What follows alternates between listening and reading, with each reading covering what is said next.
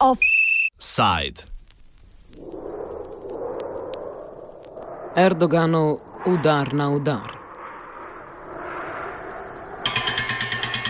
They will stand and they are standing united up to any of those thinking to undermine the unity of the people or their freedom or their parliament. This ushers Turkey in a new era, a new era in the modern history of Turkey. S temi besedami je turški premijer Binali Yildirim pospremil dogodke po poskusu državnega udara. Turški predsednik Recep Tayyip Erdogan je tudi z uporabo telefonskih in internetnih socialnih omrežij, ki so mu do sedaj večinoma predstavljala trn v peti, pozval državljane na ulice in udar uporabil kot priložnost za širjanje svoje legitimnosti. Na nje prav tako odreagiral z večanjem prisotnosti represivnih organov na poglavitnih prizoriščih udara, aretacijami v vojaških in sodnih vrstah ter z odpuščanjem policijskega in državnega osebja.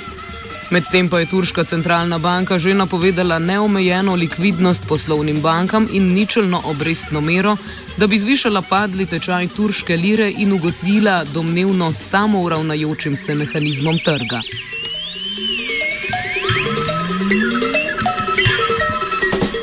Kakšne bodo posledice preprečenega udara, opiše Berg Essen, profesor z Univerze Bilkent. In terms of the consequences, I think there'll be a couple of positive ones and uh, quite possibly um, a few negative ones. So, uh, the most positive one is, is obviously that uh, the era of military coups uh, in Turkey uh, is, I think, over because um, uh, none of the uh, political parties represented in the parliament supported the coup attempt. As far as we, we uh, as far as I can see from the media accounts, majority of the officers were against the coup and uh, decided not to partake in the in the coup attempt. Uh, in, in, in, as well, also in addition, um, thousands of people took the streets to demonstrate against the coup. In some cases, confronted the um, confronted the troops on the street. So uh, we can say for, for good now that uh, you know the era of military coup is over, and that would be something positive for Turkey in the long run. Now, as uh, as far as the political uh, um, the political consequences are concerned, it seems that the Erdogan regime or the Erdogan administration is strengthened. Um, you know, with this coup attempt uh, uh, behind him, uh, he can now focus on um, sort of, you know, getting rid of his opponents because most of them have come out in, in open. So this would become a convenient excuse for, for Erdogan to get rid of uh, uh, his opponents, both uh, in the army as well as the, the judiciary. Now, what we don't know is whether such steps would pave the way for a democratic regime in Turkey. So that's that's something to be seen in the coming months and years. Kljub čistkam v vojski in sodstvu, ki so sledile udaru, ter dosedanji Erdoanovi avtoritarni politiki, prihodnosti političnih svoboščin ne moremo predvideti. Kot meni jesen, sta možni dve poti nadaljne Erdoanove politike.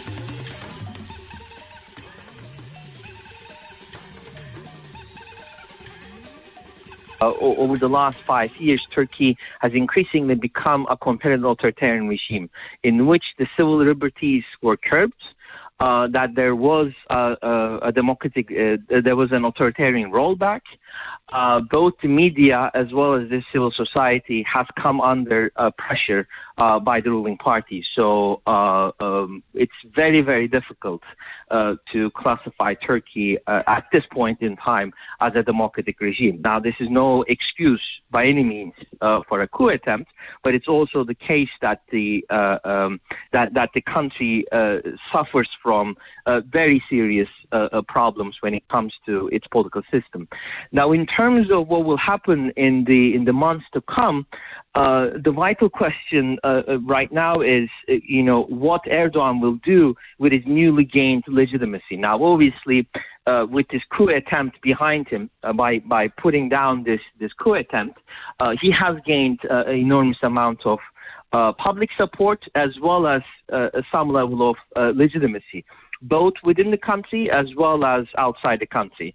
Now, uh, um, what's crucial is whether or not he will use this legitimacy to uh, increase his personal powers, which would then put Turkey in a more authoritarian uh, trajectory, or whether uh, he'll use this uh, legitimacy to basically give certain assurances to uh, various opposition groups that want to stay within the uh, boundaries of a democratic regime and would, would basically try to uh, uh liberalize uh, uh, the political system. So that's something to be seen. Obviously, if it picks the first, um, you know, if it, if it picks the first path, will go in a more authoritarian direction. If it picks the, the second path, that will be something positive to come out of this failed uh, uh, coup attempt that Turkey would become more democratic, or at least more liberal uh, in the coming months and, and years. Malo po začetku državnega udara je Erdoğan pozval državljane naj se pridejo na ulice boriti za ohranitev demokracije. Enako so pozivale mošeje, ki so začele z molitvijo izven predpisanega časa. Res so se na ulicah v podporo predsedniku zbrale množice in se spopadle z vojaki. Esen razloži, kako je Erdoanu uspelo mobilizirati tako številno množico ljudi.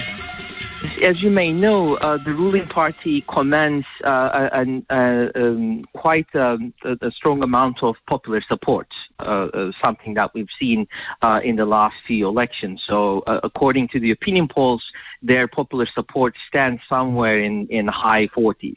Uh, in terms of percentage points. So this is a, this is quite clearly a popular party that can uh, that has an organization that can mobilize people. You've seen this during uh, election campaigns. We've seen we've seen it during uh, the political rallies organized by the party. So I think on the on the evening of the uh, um, of the coup. Um, the, the ruling party basically tapped into its organization to mobilize uh, to, to mobilize its supporters, especially uh, in Istanbul, which is which is basically uh, uh, uh um, which is the, the, the largest uh, city in Turkey in terms of population, as well as you know the, the, the, ruling party stronghold.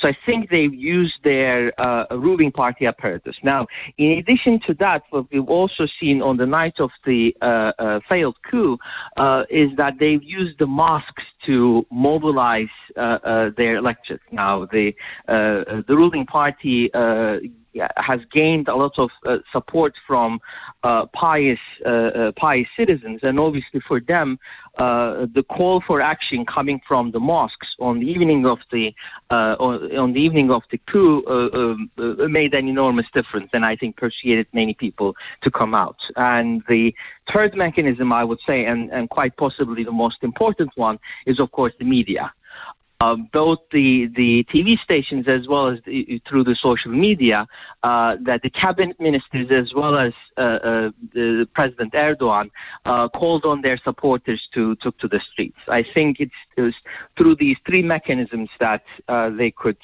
mobilize so many people in, in basically um, a couple of hours. Steven Said z Univerze v Exeteru pa v nasprotju s tem meni, da je podpora Erdoanu bistveno šipkejša, kot se kaže v turških medijih. Uh,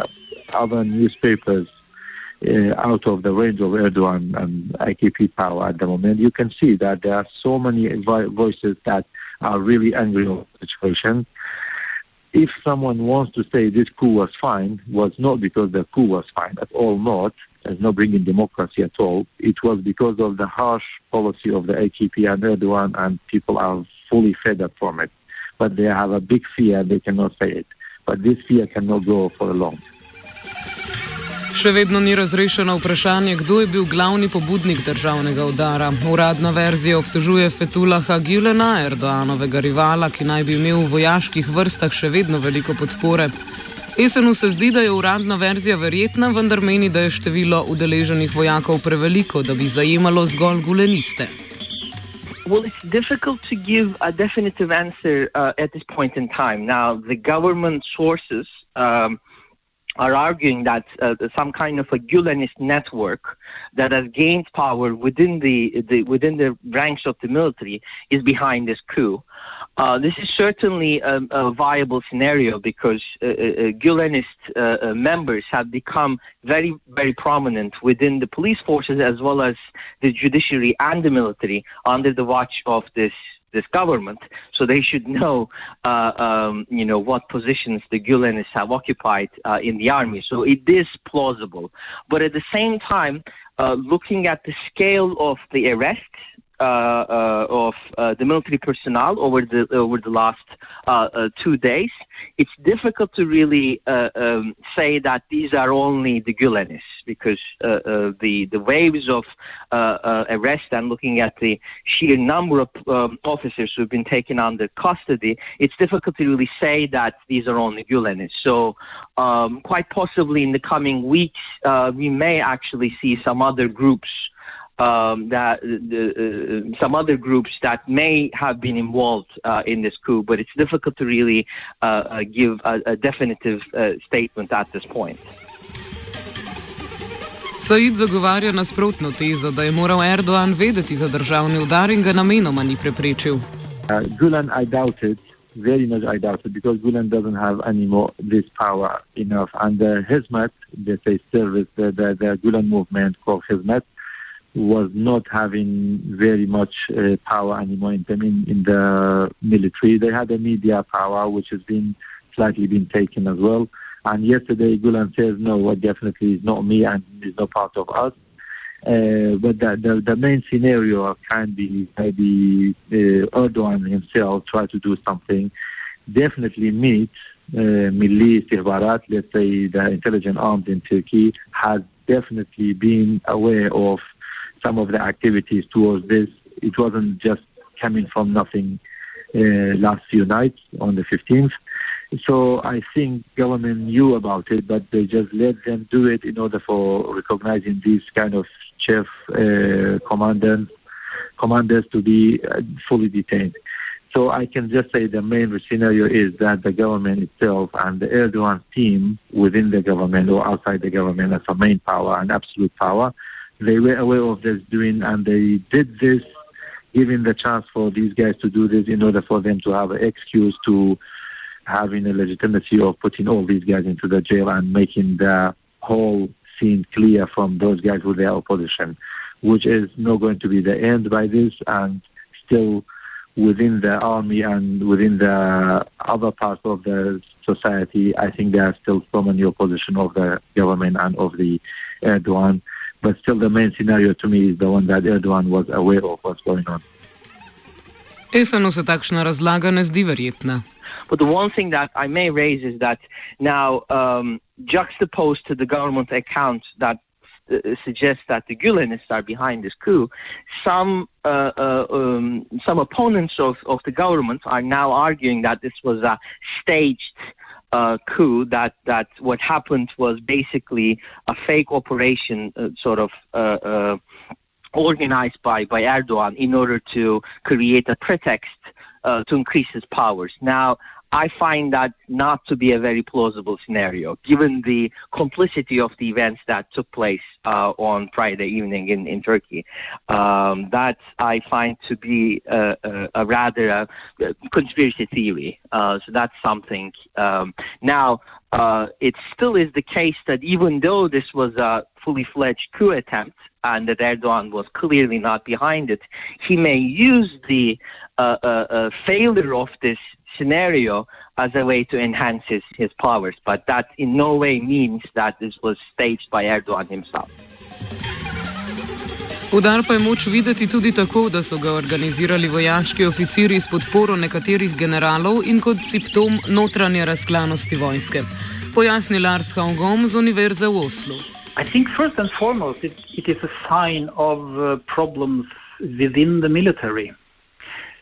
Remember that we have to go back to the to the 1960s to see anything uh, similar. In the 1960s, uh, there were uh, there were mainly junior officers behind the both both the 1960 coup and uh, many later failed coup attempts. Uh, from the end of the 1960s the military leadership, they took firm control of the officer corps to uh, to prevent these kinds of uh, coups. Uh, so I think that we now see a group of officers able to uh, stage something like that, and the military leadership not being able to to prevent it. I think it is first and foremost a sign of uh, serious problems within the officer corps. Prevladujoča ideološka usmerjenost vojske temelji na dojemanju vojske kot varuha republikanske dediščine Kemala Atatürka. Po mnenju sogovornika gre udar pripisati tradi tradicionalistični smeri znotraj vojske, ki zagovarja potrebo po močnejšem vplivu vojske na politiko. Vojska je namreč razklana med omenjeno usmeritvijo in reformistično orientacijo, ki zagovarja, da je politiko treba prepustiti politikom.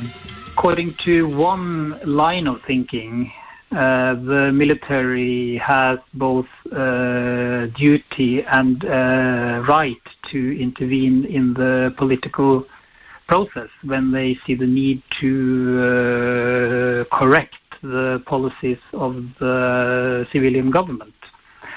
But according to another mentality, which uh, can be called reformist, and uh, which has been dominant within the military leadership, at least since the beginning of the two, uh, 2000s. Uh, military coups are no longer seen as uh, legitimate means. Uh, politicians should be left to the politicians. Vpliv vojske se je od začetka tisočletja do vzpona vladajoče stranke AKP sicer začel zmanjševati, če tudi je vojska obdržala velik del avtonomije znotraj države. First and foremost, the military lost their role as uh, veto power in the political decision making process. Before the turn of the millennium, the military was in a position to overturn political decisions. Uh, after after AKP came to power, this uh, this role was uh, gradually lost. Uh, another change was that the military lost much of their legitimacy as a trusted political actor, and this was much the result of these large-scale legal processes known under such names as Ergenekon and uh, Sledgehammer. At the same time, the military kept much of its autonomous position within the state. Na spremembo vloge in moči vojske so vplivali razlogi zunaj in znotraj države, med katerimi je tudi približevanje Evropski uniji, ki je bilo. It was uh, supported uh, by both uh, civilian elite groups and the, and the military. And, uh, and this membership uh, process required uh, reforms in, in military relations. And this was the most immediate reason why the military lost their position in the political process. At the same time, there were profound changes in Turkey's security and environment after the end of the Cold uh, War. The Soviet Union was gone, the threat from left left wing movements diminished. There was a better relationship with former enemies, both uh, Greece and the neighboring countries to the east, Iran, Iraq, Syria, and then last but not least, the capture of the PKK leader Ab- Abdullah Öcalan. Razlogi znotraj države pa medtem ležijo v zamenjavi vojaškega vodstva in spremembe javne podpore vojski. The military was still the most trusted institution within Turkey, but the population has seemed more and more against military interventions in in uh, in politics. Uh, we have all already talked about these large-scale legal legal processes. They were a factor, Uh, and then lastly, there was also clearly a change in the attitude of, of uh, Turkish officers. And from the late 1990s, the military leadership has been dominated by the people who definitely uh, do not believe in the legitimacy of uh, military coups. Erdoan je pred leti že masovno zapiral številne vojaške generale, ki pa jih je v veliki meri kasneje tudi izpustil. Z Erdoanovimi razlogi za ponovno približevanje vojski današnji offside zaključi Haugom. I think Erdogan at uh, one point realized that he uh, that he needed the military and that he needed military on uh, his uh, side. um, especially after the Getty Park protests and um, and uh, he's uh, falling out with uh, Gulenist movements. Uh, and then, of course, came the increase in the conflict with uh, with with the PKK. Offside sta pripravila Vajenka Zala in Tit.